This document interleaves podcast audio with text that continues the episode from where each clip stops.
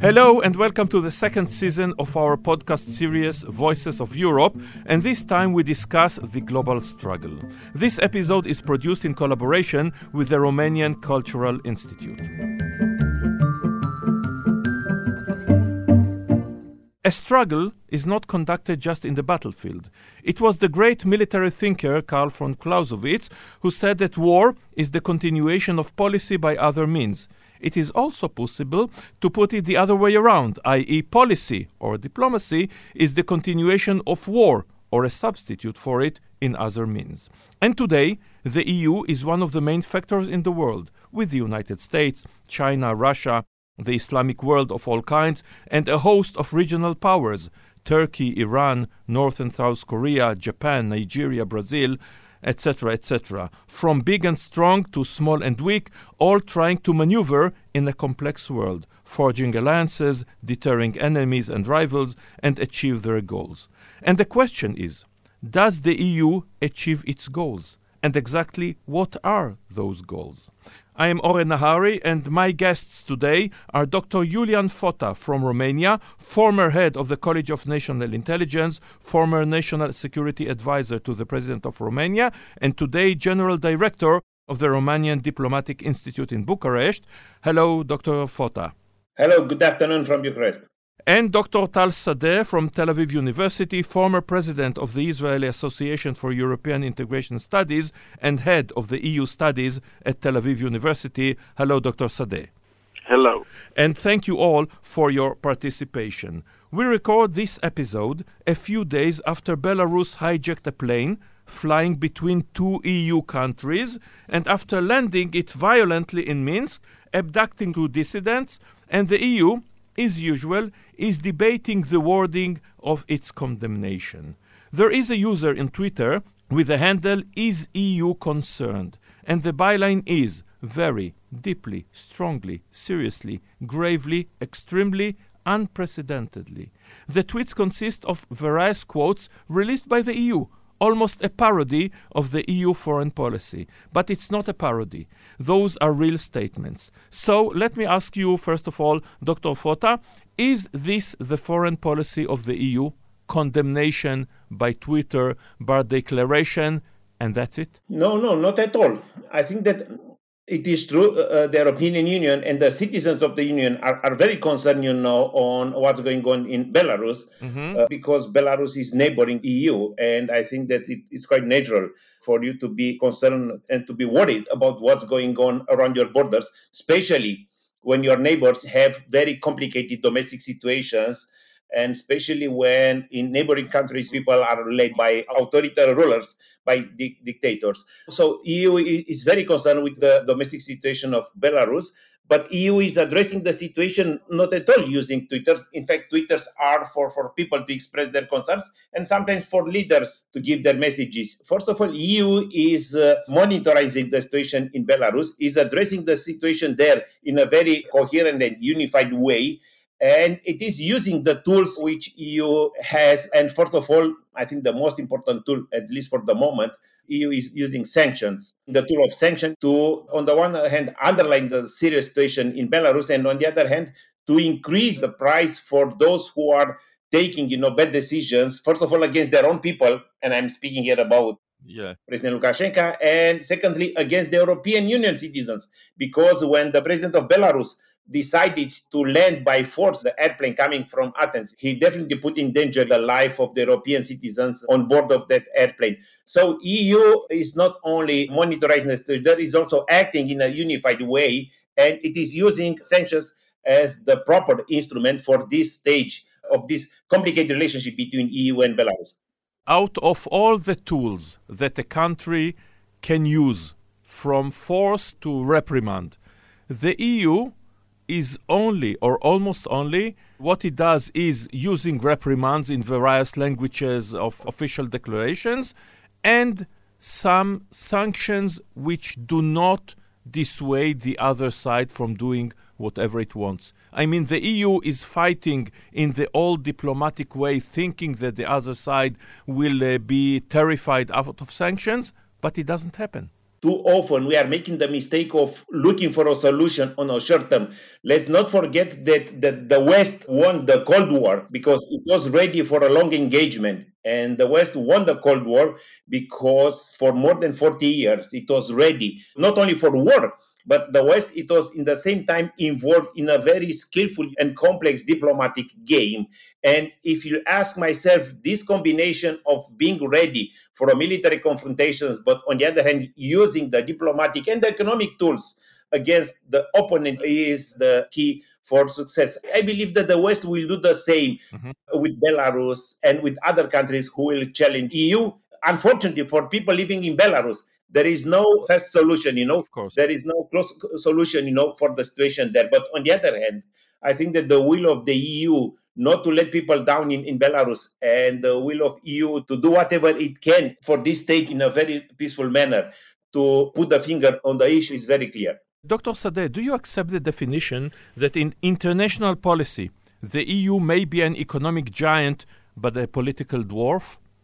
I would say that the European Union, when it comes to security, is no more than the sum of its parts. And I should also say, not even that, it is the balance of its parts. And that's because different countries in the European Union, different member states have different policies or interests mm-hmm. in general, but when it comes to the to Russia in particular.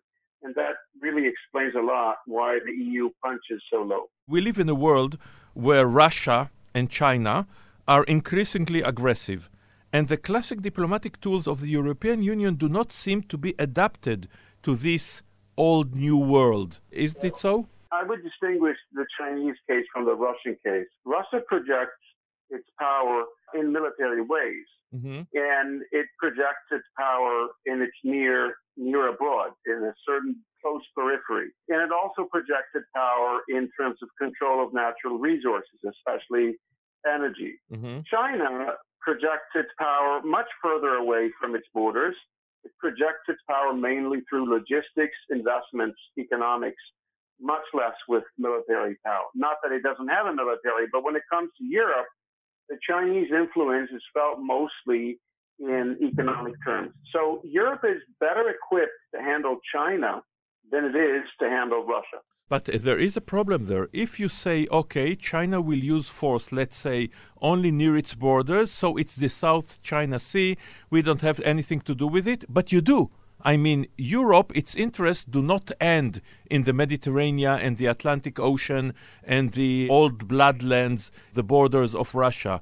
European Union interests extend to the world at large. It has to say its word. And if China uses aggression in Taiwan, let's say, it will affect the price of computers in the EU, to take one example. Isn't it so? I agree. I did not suggest that developments in Asia are of no concern to Europe. Mm-hmm. I just said that in terms of the tools mm-hmm. that Europe has in order to handle the situation, it is better has better levers of influence on China because even if China resorts to military force in the South China Sea, it has to consider economic losses it would suffer in Europe for that, and that is a lot of money, and that matters. So that's in this sense, Europe has better cards to handle China.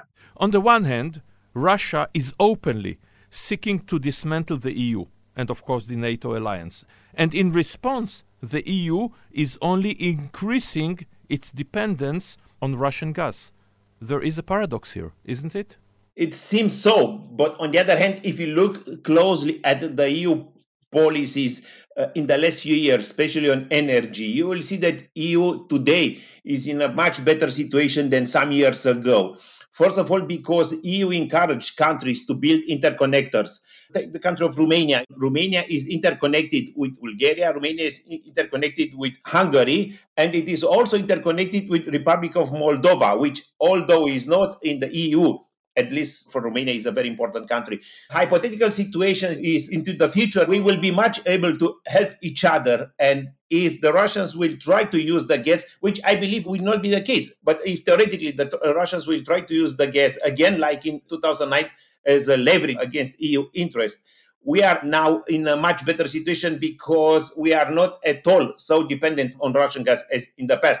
So, yes, we still import gas from Russia But as we have seen in the last few years, Russia, especially because they have seen EU being in a different situation in the past, you uh, stop to use gas as weapon as a leverage against EU. That's why Russia, unfortunately, is using the military instrument much more often against the European interest than the energy one. And taking consideration that it's not only the issue of interconnectors, we are uh, better organized legally in EU to fight against Russia if the Russians will try to subvert us by the energy weapon.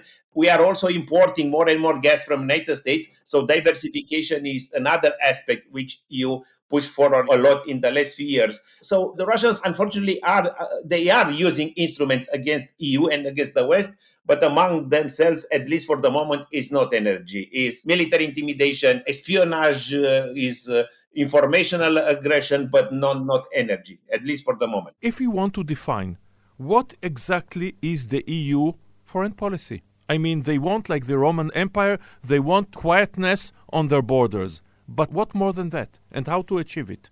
I think the interest of the European Union is to, in the, in the long term, expand its membership at the expense of Russian influence, and they are in competition. Uh, they're using different methods, but it's a clear competition for influence in Eastern Europe and perhaps in the Caucasian too. And of course, I'm not necessarily citing official goals. I'm providing my opinion. Another goal is stability in the Mediterranean in order to reduce flows of migration, which are very harmful to European integration because as we've seen in 2015, large migration flows really opened the seams in European integration. They seem to divide the member states. So there's a clear interest, and here Turkey is a major interest as a gate to keep away this illegal migration. I would say that in terms of foreign policy, these are the two main issues. I remember interviewing diplomats and statesmen from the European Union in the 80s, and they would arrogantly explain to me that we in the Middle East we don't realize we don't flow with the times. We didn't realize that nationalism is disappearing, that borders are no longer relevant. And of course, then came the tragedies of Yugoslavia, etc., etc. And we now see that the uh, nationalism not only exists, but perhaps you can argue that it's on the rise. And of course, irredentism, including within the European Union. So, some of the basis of all their thinking, of your thinking, is melting away. How do you deal with it?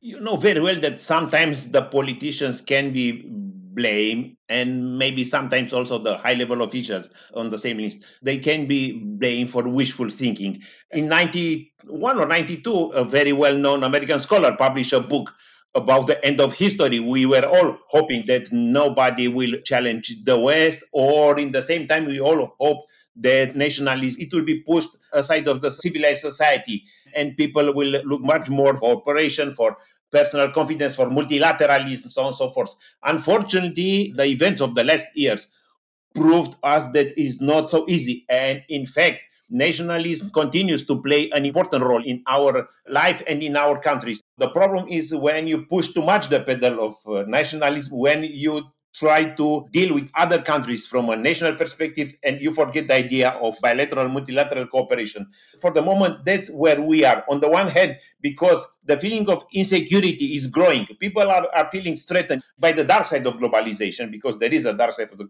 people are feeling threatened by terrorists by illegal migrants who sometimes are coming and who are taking their jobs. People are feeling threatened by viruses now. And of course that they, they look for refuge and for protection. And always when people will feel insecure. The first reaction will be to look for the government and to the nation states to ask them for protection. How do you conduct a coherent foreign policy when there are close to 30 states, each one with its own interests, its own problems, its own agendas? And to what extent, especially the countries of the Visegrad Square, especially Hungary and Poland, do they skew European foreign policy? The traditional solution to this problem in Europe has been Franco-German alliance. To the extent that France and Germany agree on a foreign policy, they more or less dictate it to the rest of the European Union, whether the other member states like it or not. France and Germany are on the same page, then they do what they want. I'm fully aware that for many countries on the eastern side of the European Union, this is a concern because That too often means some conflict with the United States. When France and Germany are on the same page, it rarely is on the side of the United States. And that is a concern in Eastern Europe because there the main concern is Russian military power. And they'd like, as part of an assortment of foreign policy tools, they'd also like some credible use of force just as a backstop. But nevertheless, to the extent that there is a coherent foreign policy, and I want to tell you about Russia, we did not mention this in our talk so far, but in fact, ever since 2014, Russia is under a, an economic sanctions mm-hmm. regime, which the Russians feel. It's not nothing. It doesn't change the policy, but it costs the Russian states and Russian citizens, and it is many people thought it wouldn't hold too long, and it does. They're very consistent about this. To what extent is the EU coordinated today with the United States and perhaps other countries in the West, let's say Australia and perhaps Japan and South Korea, against or opposing uh, China?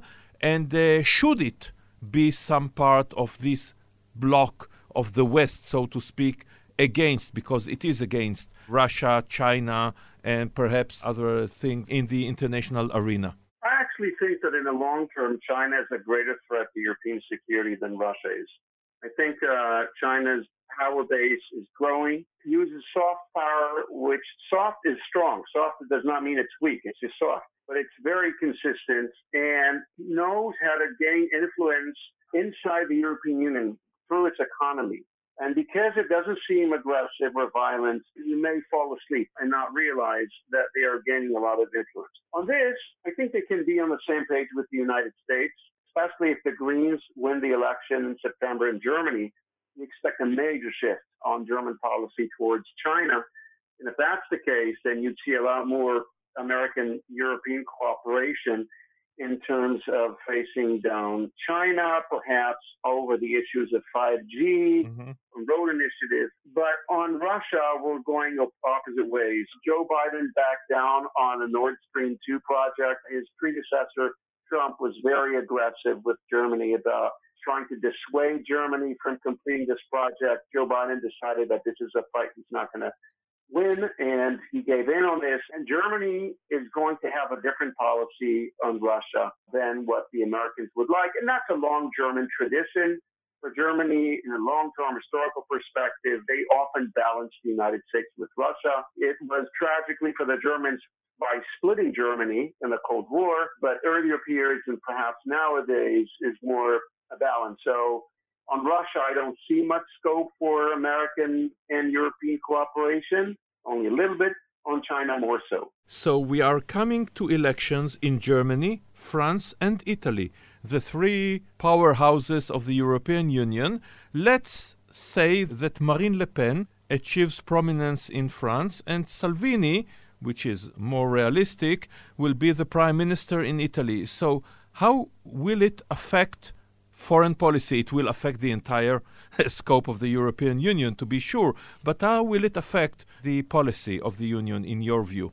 I don't know yet. On the one hand, there are some encouraging signs coming from Germany, from Berlin. I've seen recently some statements from the Green Party on Russia, on China, and the messages mm-hmm. coming from the leaders of the Green Party are encouraging ones, are not bad at all. I had my own concerns, but now it seems that maybe the revolution which is possible to have in Germany, maybe in economic terms, will be a significant one, but not in geopolitical ones. On the other hand, when it comes to countries like France or Italy, I think that the uncertainties are much higher. And as my colleague in this discussion mentioned earlier, for the future of EU, it's very important to preserve the friendship, the cooperation between the France and Germany.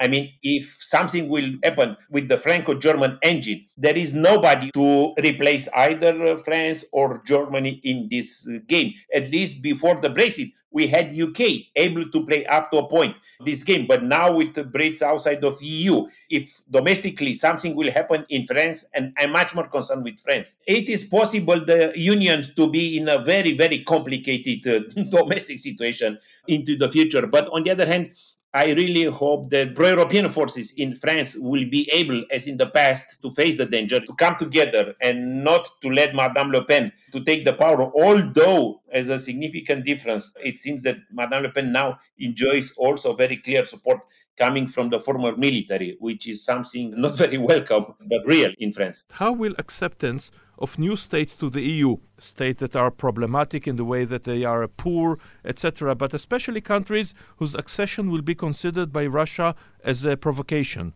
Georgia, Ukraine. Do you see the EU accepting them, and do you think the EU should accept them?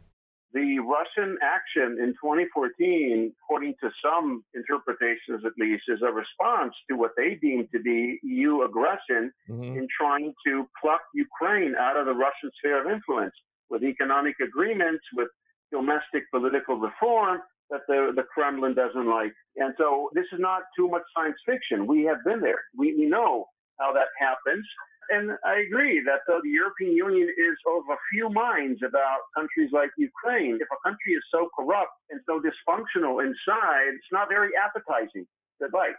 But on the other hand, the European Union is happy to do whatever it can to loosen Russian influence inside Ukraine, Moldova. Belarus is lost now. They're pretty much on their way to union with Russia.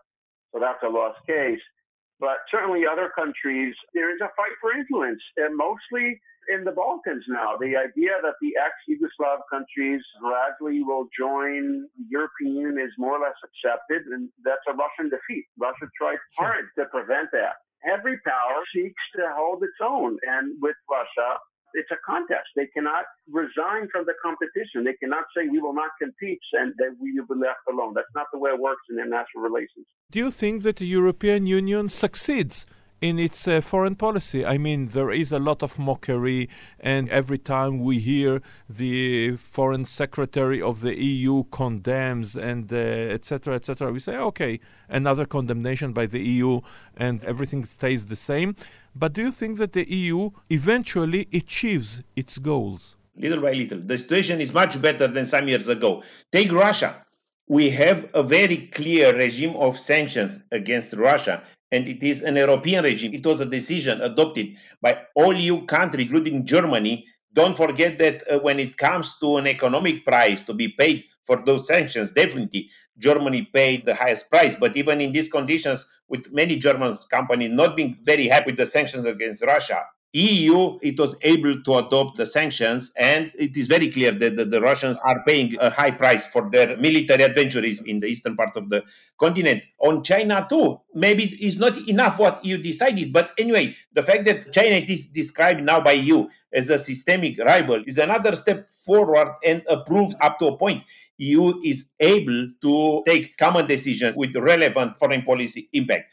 On the other hand, let's not forget that and maybe it's an argument, you know, to be pleased by this EU common foreign policy. Let's not forget that we are witnessing efforts of building a new global order. All liberal order, I accept the idea that it is under severe stress and we are in a process of negotiating and building another order. Let's hope that will be at least as liberal as the old one, especially when we are in the middle of a process like this. Those who are discussing and negotiating and sometimes struggling or fighting for this new order are the nation states, and the nation states have very clear national interests. So, in these conditions, I think the fact that EU is able to act also with the small countries around the table is even more important to be appreciated. Maybe I will not give a, a mark of 10 from 1 to 10 to EU foreign policy, but definitely I will give an 8 or a 9 because we have common EU foreign policy on some issues.